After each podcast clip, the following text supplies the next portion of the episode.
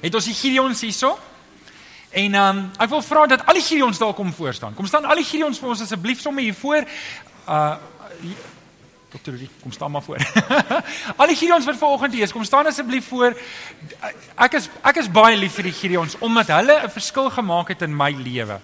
En um, ek wil vir julle sê ons as gemeente is betrokke in die Gideons by hulle en in hulle werk.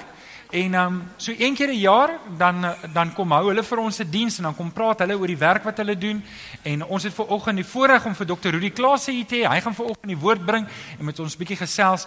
Ehm um, en ek wil nou nie iets sê wat hy wil, moet sê of wil sê en dan kan hy dit nie meer sê nie. Ek het al dit beleef dat iemand dit sê.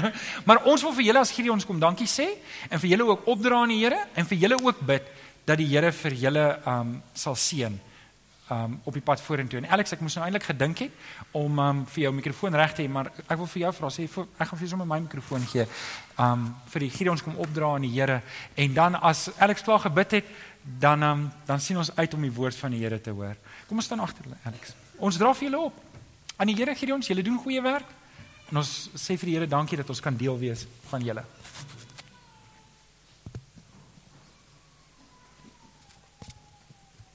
Here Jesus, ons as gemeente besef dat die waarheid van ons lewens gebou is op u woord en u woord alleen. Hierdie mans en vroue, Here, wat hulle lewens toewy aan die uitdra van u woord deur hul bediening, doen baie baie belangrike werk. Doen werk wat baie keer ons net as van selfsprekend aanvaar dat daar Bybelverspreiding is. Maar ek dank u vir hulle. Ek dank u vir hulle toewyding. Ek dank U vir hulle liefde vir die woord en vir U. Ons bid hierdie rykste seën op hulle toe dat U hulle sal bemoedig, Here, dat U hulle sal dra en dat hulle altyd sal weet dat dit wat hulle doen, doen hulle nie vir mens nie, maar alleen vir U. Ons loof en ons prys U vir U genade oor die Gideons. Amen. Amen. Amen.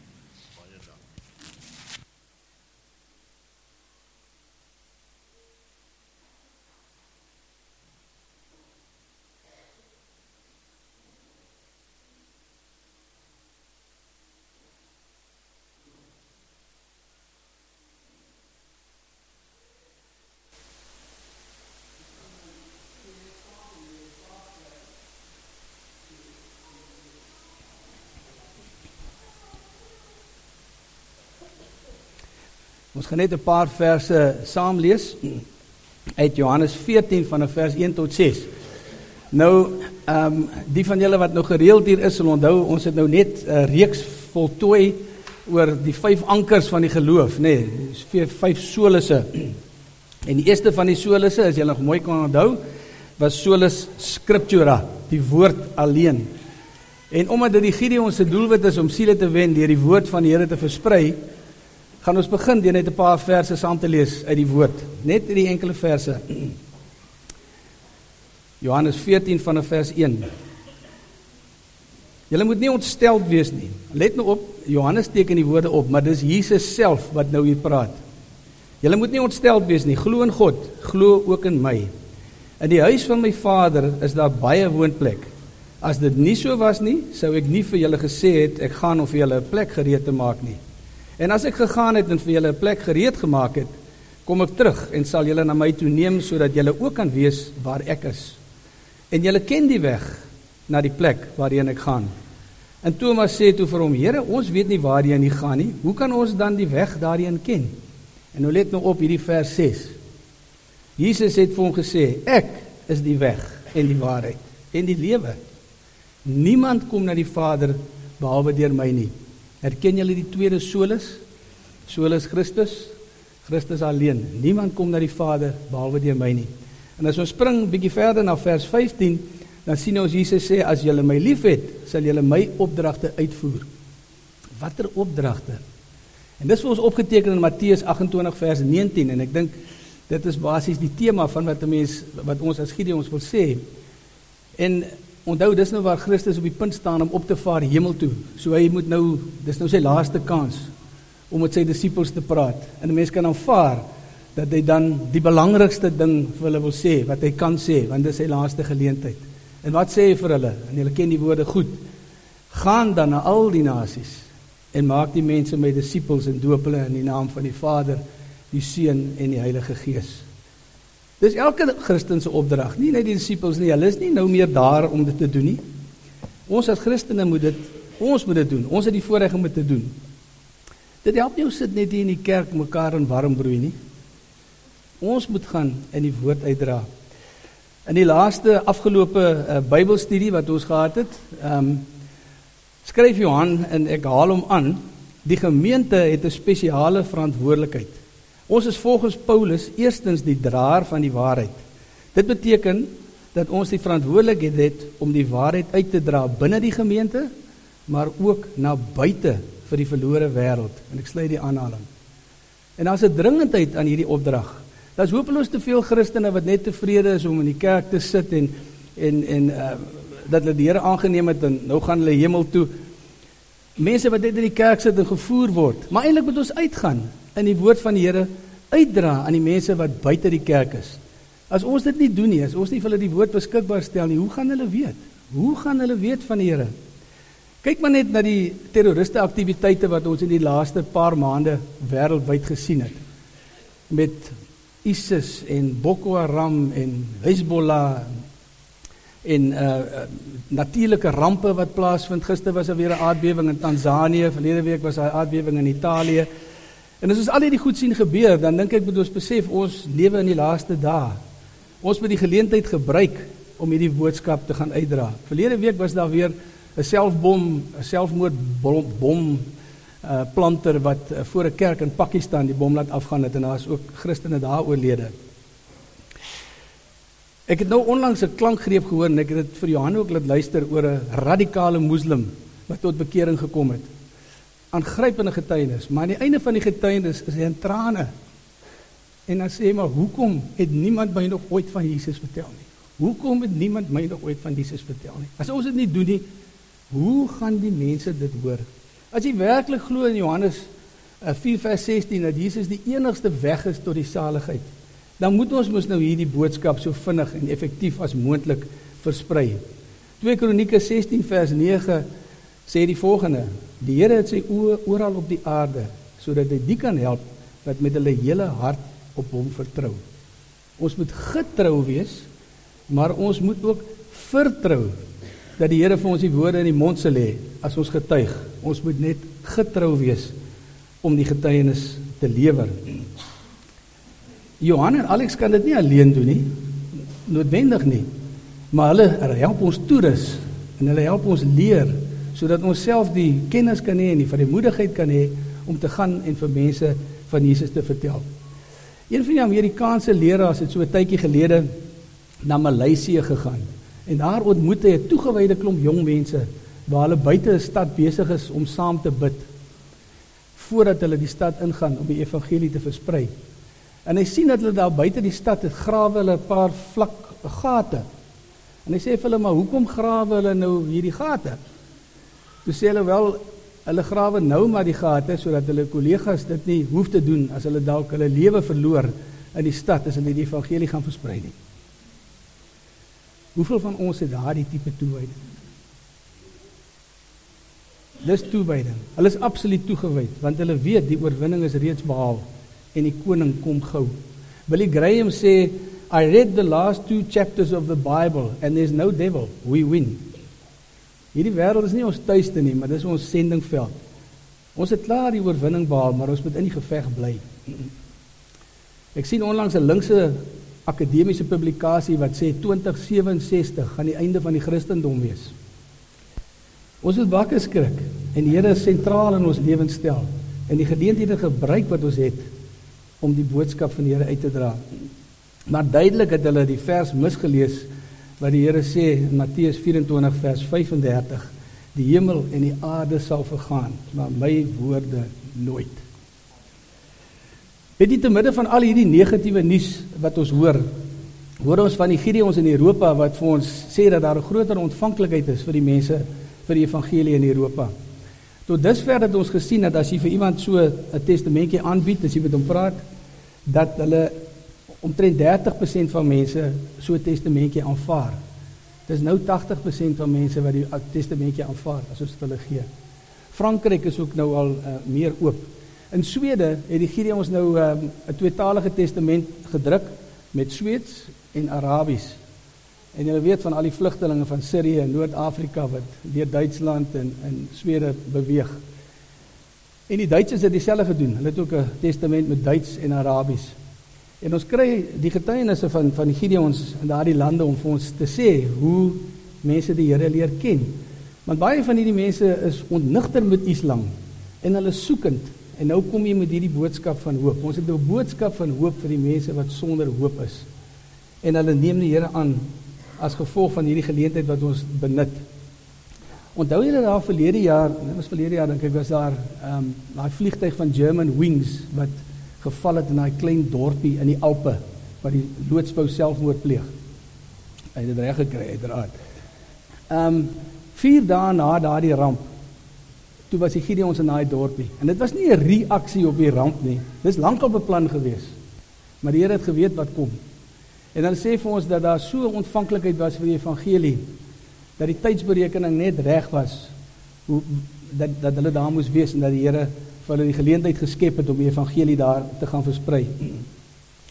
Maar jy sien die die Gideons funksioneer eintlik maar as 'n verlengde sendingarm van die kerk. Ons is mos nou nie 'n kerk nie, ons is professionele en sakemanne wat die lede is van die evangeliese of protestantse kerk wat die Here liefhet, die Here aangeneem het as ons persoonlike saligmaker. En ons het maar net die een doel voor oë en dit is om siele vir die Here te wen. En as jy nou met iemand praat en hy leer die Here ken, dan stuur jy hom na 'n evangeliese of 'n protestantse kerk waar hy geleer kan word en waar hy kan groei in Christus. Ons is nie daarvoor gerad nie. Ons is net 'n sending arm van die kerk. Ehm um, as on, as ek byvoorbeeld met iemand sou praat en en hy stel belang en die Heilige Gees werk in sy hart, dan gaan ek hom uiteraard na hierdie kerk toe nooi want ek weet die evangelie word hier suiwer verkondig. En dan is dit nie weer my taak nie, dan is dit Johan en Alex se taak om dit verder te neem. Ons is net 'n sendingarm van die kerk. Ons moet net die geleentheid gebruik, elke geleentheid wat oor ons wegkom om mense van Christus te vertel. En jy weet, ons het nou die voorreg, ek het nou hier agter ehm um, ook gepraat met uh, met Jan en ehm um, Ons het hierdie testamentjies wat meeste van julle baie goed ken. Want die meeste van julle het dit seker ontvang toe julle in staat staan dit 6 of deesdae graad 8 was. En dit word hier in ons eie land versprei in 9 van die amptelike tale. Ekskuus, nou 10 amptelike tale. Maar agter in hierdie testamentjie is die pad van saligheid. En dit maak dit verskriklik eenvoudig om met iemand oor die Here te praat.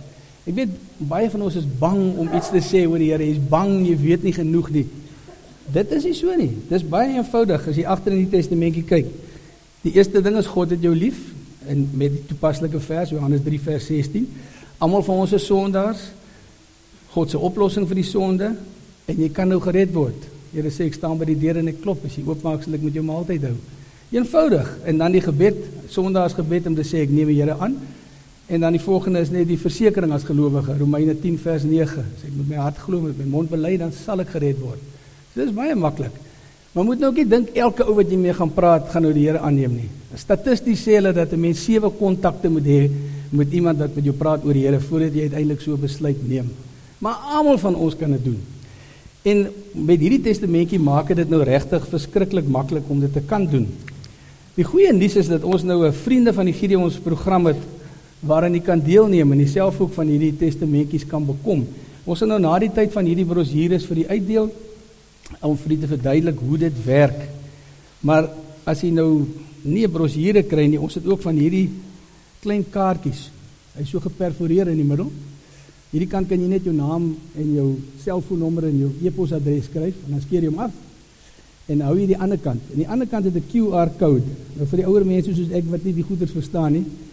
'n QR kode kan jy net jy skandeer dit net met jou ehm um, telefoon as jy nou die app het en dan neem jy dadelik na ons webtuiste toe en dan kan jy lees oor die vriende van die Gideons.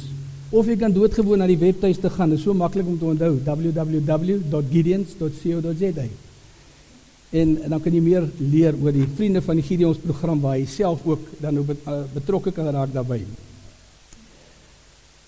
Weet jy, um, die Jode het mos 'n skool waar die die Joodse kinders nou leer oor die Jodendom en Hebreëus leer en oor die Joodse geloof leer. En so die moslems moes nou ook hierdie madrasse waar die moslimkinders leer. En een van hierdie madrasse studente is baie lief vir geskiedenis. En ehm um, hy stap eendag in Pakistan in die straat en daar's 'n straatverkoper wat ou boeke verkoop. En hy staan en kyk en hy sien 'n geskiedenisboeke. En uh jy koop hierdie boeke by gewig. Jy skaak jy daar met die gewigte een kant en dan pak jy jou boeke op totdat hy nou balanseer. En hy het nou die boeke gevat wat hy nou belang gestel het in. En toe sien hy maar die skaaltjie is nog nie heeltemal daar nie. En hy sien daar lê so 'n testament of so 'n boekie lê daar onder andere by die straatverkoper. Hoe hy daar gekom het, weet geen mens nie. Maar hy neem toe die boekie en hy sit hom op en as die skaal nou net mooi reg. Hy het die boeke gekoop en hy is huis toe. Hy het toe die boekie gevat en hy begin lees daai. En hoe langer hy gelees het, hoe meer het hy uit die Heilige Gees in sy hart gewerk. En uiteindelik neem hy die Here aan. Dis net genade. Hoe het daai boekie daar gekom? Herken jy hierdie anker sola gratia? Dis net genade. En nou op die oomblik werk hy in die noorde van Afghanistan en ehm um, en en hy werk selfs uh, in die noorde van Pakistan altans en selfs in Afghanistan waar hy die woord van die Here versprei. Verlede jaar het die Gideon 97.1 miljoen testamente wêreldwyd versprei. Dis 7.1 miljoen meer as die vorige jaar. En ons sê alle eer aan die Here want hy deel sy eer met niemand nie. Erken jy dit? Sola gratia. Alle eer aan die Here. Hoekom sê ek dit? Want ons het verlede jaar nie ons finansiële doelwit bereik wat ons vir ons gestel het om hierdie Bybels te kan aankoop nie. Maar ten spyte daarvan het ons 7.1 miljoen meer testamente geplaas. En dit het die Here moontlik gemaak deur nuwe kontrakte wat ons met uh, drukkers kon uh, aangaan, nuwe kontrakte met die mense wat papier voorsien en ander besparingsmaatreëls. En ons eer die Here daarvoor dat hy dit moontlik gemaak het. Weet jy as jy nou kyk, as jy die sommetjies gaan maak, dan sal jy sien elke sekonde word omtrent 2.5 testamente per sekonde wêreldwyd geplaas. Net om dit 'n bietjie meer verstaanbaar te maak. As jy nou hierdie Bybeltjies neem en jy pak hulle nou so bo op mekaar, Die hoeveelheid wat ons in 'n dag versprei, maak net mooi twee hope wat so hoog is as Tafelberg. Mens kan dit amper nie glo nie. Ehm um, ons het verlede jaar uh ook die geleentheid gehad om om in China in te gaan. Nou China is 'n perd van 'n ander kleur. Hulle maak dit vir ons bietjie moeilik. Jy kom nie so maklik in nie. Die gee ons met 'n bietjie op 'n ander manier werk. Maar ons het 203 000 testamente verlede jaar uh in uh, in China versprei. Maar weet jy Indië se deure is vir ons waarwyd oop. Verlede jaar 15 miljoen testamente in Indië versprei. Dit moet 'n verskil maak.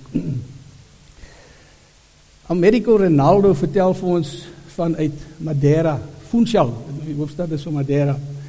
'n Sakeman het Funchal toe gegaan met die gedagte om selfmoord te pleeg.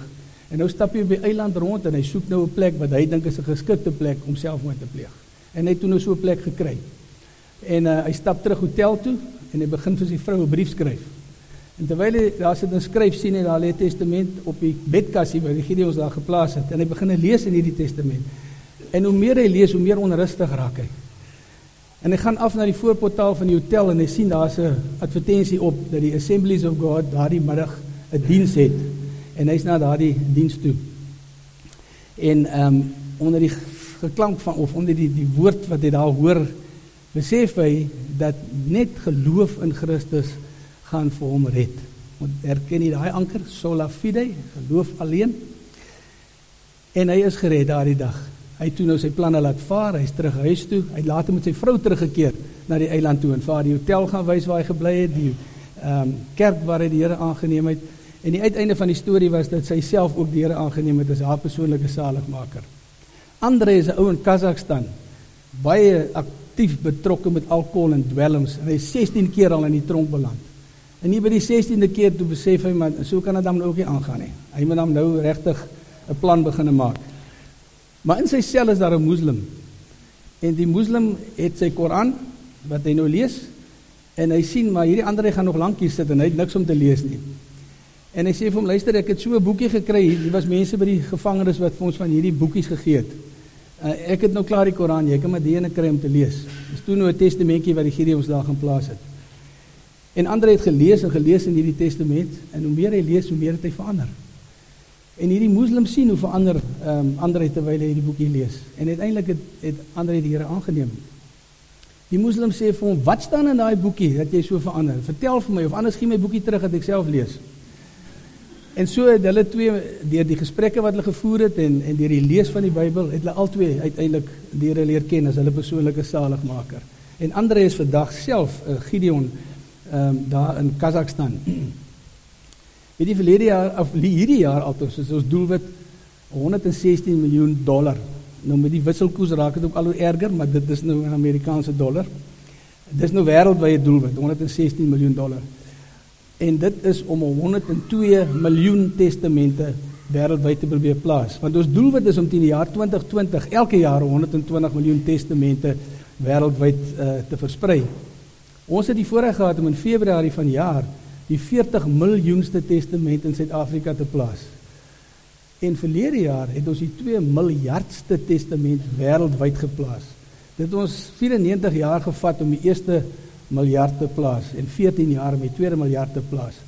Want ons besef daar's 'n dringendheid. Ons leef in die eindtye, ons moet die geleentheid gebruik. Maar weet jy, ons het um, in die Midde-Ooste is dit nou ook 'n ander storie, né? As jy daar met 'n Bybel inkom of Christel, Christelike lektuur inkom, dan kan jy jou lewe verloor. Die ouens arresteer jou en hulle maak jou dood. Weet jy, sou verbaas wees om te hoor daar's in Dubai is daar 500 evangeliese kerke. En in Abu Dhabi is daar 450 evangeliese kerke. En op 'n Sondag of op 'n Vrydag liewer wat hulle Sondag is, is daar 40000 mense wat bymekaar kom in sulke kerkies. Nou die regering gee blykbaar vir hulle 'n stuk grond en dan op 'n Vrydag het hulle 18 ure waarin hulle mag kerk hou. En dan uh, moet die kerke maar so beter vat om om hierdie areas te benut. Maar hulle hou hulle baie fyn dop. Jy mag nie evangeliseer nie. Mag nie buite jou huis of buite die kerk iemand van die Here vertel nie. So dis moeilik om die, om die evangelie daar te versprei. Maar nou het ons 'n wonderlike nuwe uh, ontwikkeling, hulpmiddel gekry. En dis hierdie sogenaamde Gideon Bible app. Ek weet dit is nou 'n bietjie klein om daarvan aan te sien, maar die naam is maklik, Gideon Bible app. Jy kan dit gratis van die App Store aflaai. As jy iPhone het, laai dit van die App Store af. As jy Android het, dan kan jy die uh, Play Store gaan en en jy kan dit gratis aflaai. Jy kan dit ook vir iemand forward op sy telefoon. Weet jy, die Bybel is hier op in 'n meer as 1000 tale. Is die woord van die Here op hierdie op hierdie app. En wat meer is, as jy ou nie kan lees nie, is daar ook audio by. Ons het nou besef dat gaan 60 miljoen mense 'n jaar deur Dubai. En dis nou vir ons 'n baie nuttige hulpmiddel, want as jy met 'n burka oploop, kan niemand sien as jy oorfone in het en jy's besig om na die evangelie te luister in jou eie taal nie. En dis 'n baie goeie aanvulling vir ons boonbehalwe die 200 lande waar ons die Bybel in 'n gedrukte vorm versprei in 103 verskillende tale. Murigen het baie skuld gehad en sy kon later nie meer vir haar gesin sorg nie. En sy besluit toe sy gaan die hele gesin vergiftig. En sy maak toe die dag baie lekker ete, berei heerlike ete voor die middag en sy sou nou later die gif daarin gooi. Haar dogtertjie kom van die skool af en sy sê: "Mamy, mamy, kyk wat het ek gekry by die skool." Dit is toe so 'n testamentjie. Die vrou vat die testamentjie en sy blaai hom oop by die vers waarmee ons vandag begin het, Johannes 14. En sy lees daar en en sy sê: "Maar wie praat hier? Wie is hierdie Jesus wat hier praat?" En sy gaan na 'n buurman toe en hy's toe Christen. En sy sê vir hom: "Wie praat hier so? Wie's die man?" En die ou kon haar toe verduidelik wie Jesus is en sy neem die Here aan as haar persoonlike saligmaker. Teen die einde van daai week het haar hele familie al die Here aangeneem. En kort daarna sê sy het hulle uit haar skuldenaars vir haar begine betaal en kon hulle weer normaal voortgaan met hulle lewe. By geleentheid is daar 'n vlugingenieur op een ek die man het was was British Airways. Hy's in Nairobi in Nairobi in Kenia. En hy begin op 'n stadium verskriklik angstig en bang voel. En hy gaan bel sy vrou en hy sê vir hom hy is verskriklik angstig. En terwyl hy met haar praat, sien hy daar lê 'n bedkassie, ah, daar Bybel op die bedkassie, wat die Gideon daar geplaas het. En sy uh, hy begin lees daarin. En hy lees en hy lees, maar hy bly net angstig. 3 dae later breek drie gewapende rowers sy deur af en hulle val hom aan. Hy sien hier's moeilikheid. En hy storm die eerste ou. Maar een van die ander ouens het so 'n knuckle duster aan. Ek weet nie wat dit in Afrikaans is nie. En hy slaan hom teen die kop hiermee dat hy maar feitelik bewusteloos neerval en bloei op die grond. En toe nou op die grond is toe wurgel hom met 'n koord. En net voor hy sy bewussyn verloor, toe sê hy: "Here, red my asseblief." Toe hy nou weer bykom met mense nou al natuurlik gesien wat aangaan, hulle het hom kom help. En ehm um, uh, uh hy is toe Engeland toe geneem en hy's geopereer vir 'n bloedklont wat hy op sy brein gehad het. Die hele tyd later het hy self by die Gideons aangesluit na aanleiding van sy blootstelling wat hy aan hierdie testament gehad het in hierdie hotelkamer. Hy's terug Afrika toe en hy het nou gehelp om 12 kerke um, te stig buite Addis Ababa in Ethiopië. Uit Noorwe verneem ons van 'n prostituut wat in 'n hotelkamer sit en wag vir haar kliënt om op te dag. Maar hy dag nie op nie. En terwyl sy daar sit, sien sy die Bybeltjie op die bedkassie en sy begin daarin lees. En daardie aand het sy nou nie haar kliënt ontmoet nie, maar sy het die Here ontmoet. En vandag is sy getroud met 'n Christen man, gelukkige huwelik, twee kinders en baie aktief in haar eie gemeente. Dan is daar nou 'n kans vir jou om betrokke te raak, as ek dit so kan sê. As jy 'n Christen professionele of sakeman is en jy ken die Here as jou persoonlike saligmaker en jy is bereid om 'n ekstra myl te loop en het 'n passie om siele vir die Here te wen, dan kan jy by ons kom aansluit om ons te help. Maar jy kan ook natuurlik betrokke raak om te help met die aankoop van die Bybels deur hierdie vriende van die Gideons program. Ons sal by die deure van hierdie brosjures uitdeel na die tyd en jy's baie welkom om uh, een daarvan te neem. Maar dan die laaste ding en en en dis 'n is 'n belangrike saak want dis waaroor dit nou eintlik gaan. Paulus ehm um, skryf aan die in die Kolossense en hy het dieselfde woorde geskryf aan die Efesiërs. Hierdie twee briewe is dieselfde tyd afgelewer wat Paulus geskryf het. Maar luister mooi. Dit gaan daaroor om te getuig en hy sê gebed is die belangrikste komponent van getuienis. Paulus uh, skryf in Kolossense 4:2 volhard in die gebed Wees daarby waaksaam en dankbaar en bid te gelykertyd ook vir ons. Bid dat God vir ons 'n deur oopmaak sodat ons die geheimenis van Christus kan verkondig waarvoor ek hier gevangene sit. Bid dat ek dit duidelik sal verkondig soos dit my opgelê is. Tree met wysheid op teenoor die mense wat nog buite die gemeente is. Maak die beste gebruik van elke geleentheid. As jy in die oggend jou stilte dit hou, vir die Here sê, Here stuur vandag. En dis wat Paulus nou hier sê, hè? bid tot die Here en sê stuur vandag iemand op my pad met wie ek die evangelie kan deel. En hou jou oë oop en wees bereid om die evangelie met iemand te deel. En dan sê ook maar bid ook vir ons. En as ek nou dit kan toe van toepassing maak op die Gideons, dan sê ek sê bid ook vir ons as 'n bediening sodat elkeen van die testamentjies wat ons vir iemand gee, dat die Heilige Gees daardeur iemand se hart sal aanraak. En baie keer sien ons dis die uitgebreide familie wat ook daardie aangeraak word, en nie net een persoon nie. Ek gaan nou afsluit deur vir julle getuienis te speel 'n uh, uh, DVD wat ons die voorreg gehad het om te hoor in die FSA toe die man die getuienis gelewer het. Ek dink dit is baie relevant ehm um, vir ons tyd en jy sal sien hoekom ek so sê as jy nou ehm um, geluister het daarna en daarna sal ek afsluit met gebed.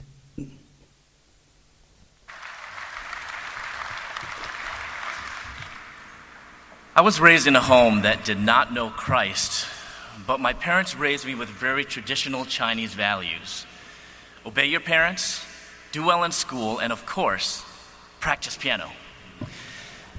You see, I had a secret, though, that I kept hidden through high school, college, and even the Marine Corps reserves. But when I moved to Louisville, Kentucky, and I started dental school, I no longer kept it a secret, and I lived openly as a homosexual in the gay community. It was at that point that I decided to go home to Chicago and break the news to my parents, and I told them I am gay. This devastated my mother, who was not yet a Christian, and she actually had resolved to end her life. But praise God, God saved her through the word of a little pamphlet that shared with her that all of us are sinners, and yet, in spite of our sin, the God of the universe still loves us.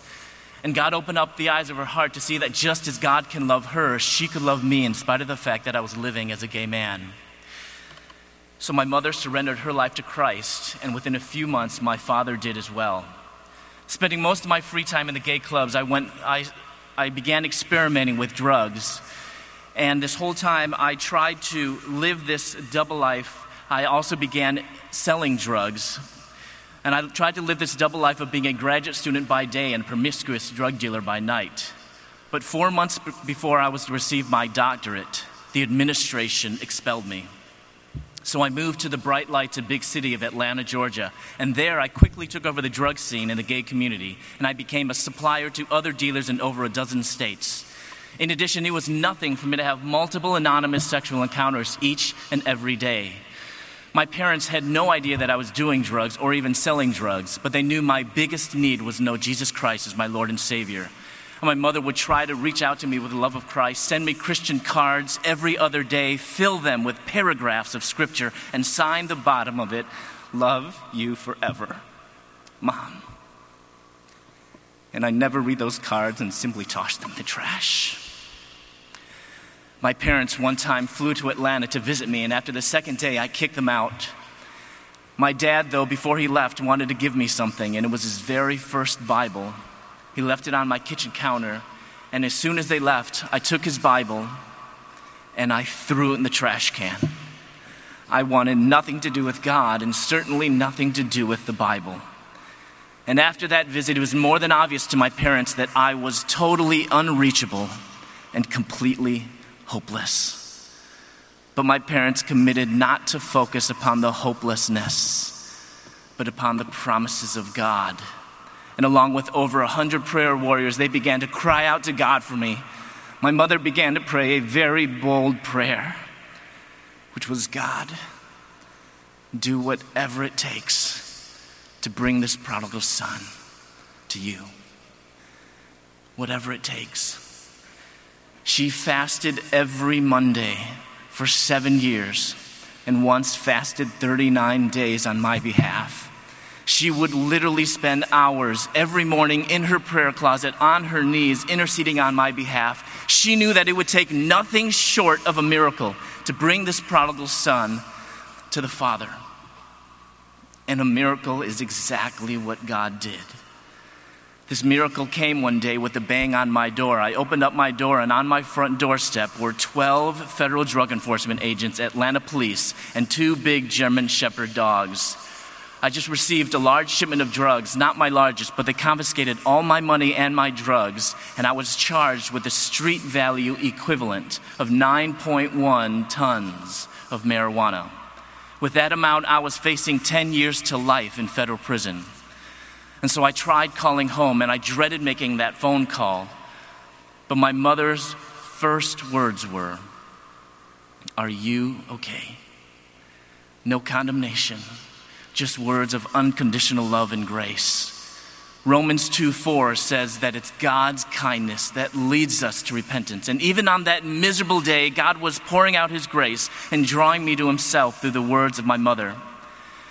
Actually, my mom was excited to get that phone call, if you can believe it or not, because I hadn't called home in years. And she knew without a doubt that this was God's answer to her prayers. As she hung up that phone, she knew she had to do just as that good old hymn says count your blessings, name them one by one.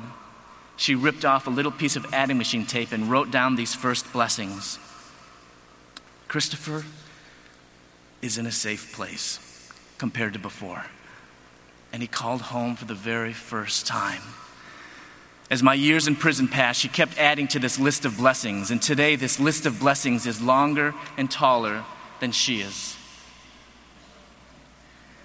Three days later, as I was walking around the cell block, I passed by a garbage can. And as I look at this garbage can, I realized that my life was so much like this garbage. I was now surrounded by common criminals, trash. And with my head down, I was about to pass by this garbage can, but something on top of that trash caught my eye. I bent over, I picked it up, and it was a Gideon's New Testament.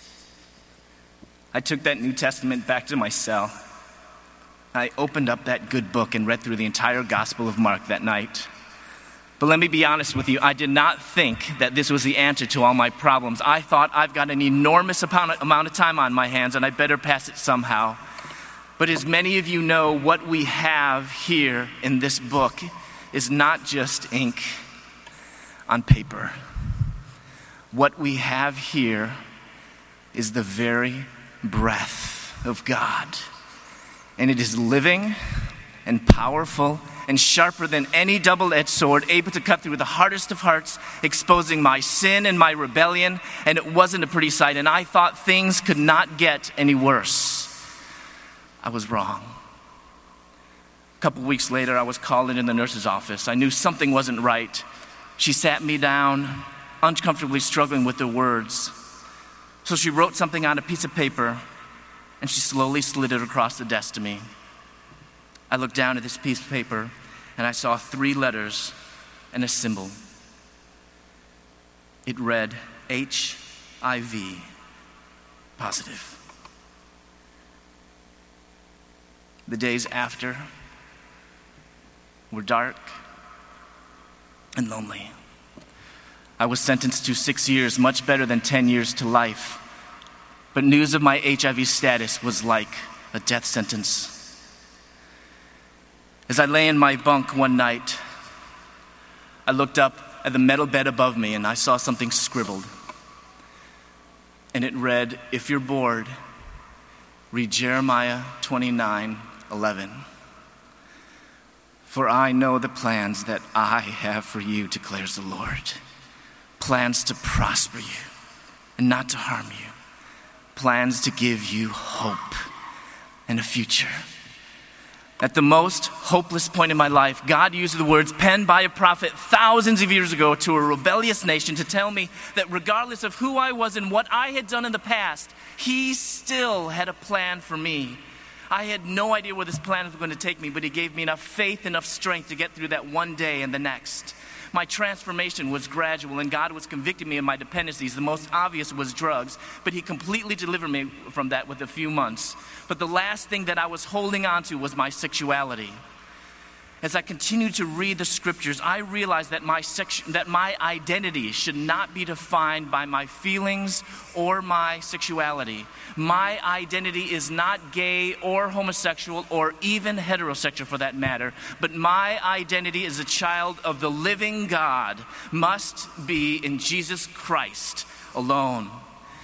You see, God says, Be holy, for I am holy. I had always thought that the opposite of homosexuality was heterosexuality, but I realized that the opposite of homosexuality is holiness. And God was telling me, Don't focus upon your sexuality or your feelings, but focus upon living a life of holiness and living a life of purity.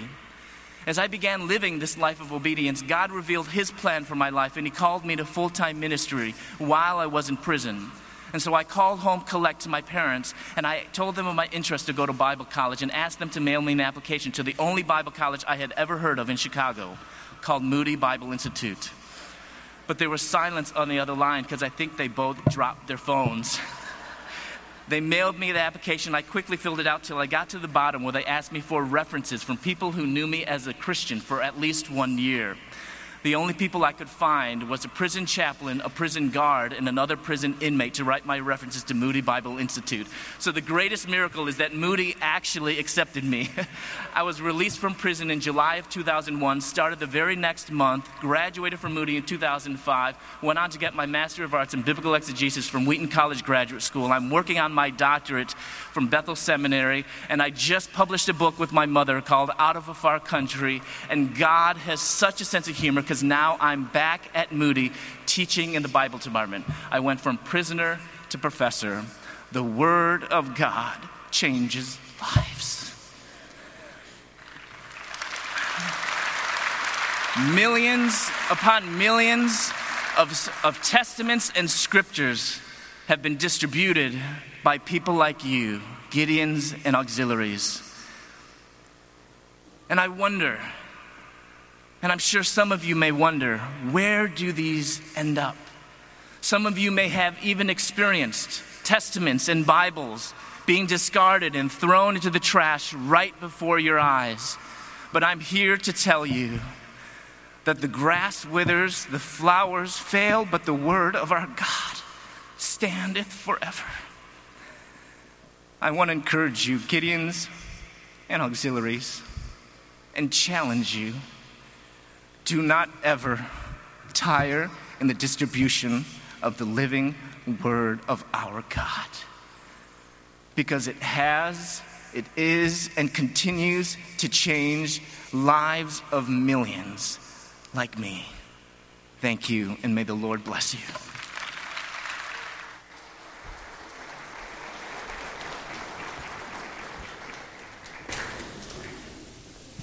Daar het hulle weer gehoor solus scriptura, die woord alleen. Hy sê it's not just paper and ink on paper, it's the very breath of God.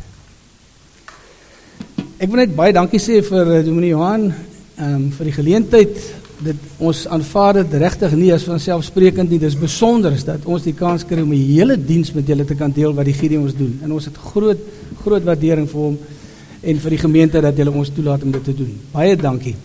Kom ons sluit net die oor en bid ons net saam. Here ons Here. U is die almagtige, die koning van die konings, die Here van die Here, die soetroos van Saron, die blink môre ster. Die begin en die einde van die geloof. Die Alfa en die Omega. Here, ons bring aan U al die lof en die eer en die aanbidding wat U toekom. Want U is heilig en U is lofwaardig. En daarom bring ons aan U die lof. Here, maar baie dankie dat dat U so lief was vir ons, dat U vir elkeen van ons kom sterf het aan 'n kruis. Sodat ons eenmal ook in die heilige teenwoordigheid mag staan. Here ons wil bid vir Johan en vir Alex en vir die leierskap in die gemeente dat U hulle sal beskerm. Wat ons weet, die Satan val altyd eerste die leierskap aan om ontwrigting te veroorsaak omdat hy nie hou van wat ons doen nie. Ons bid Here dat U die hand van beskerming oor hulle sal hou en dat hulle sal kan voortgaan om U woord suiwer aan ons te verkondig. Here, as ons dit dan nou van U vra, dan vra ons dit in die naam wat bo alle name is, die naam van Jesus. Amen.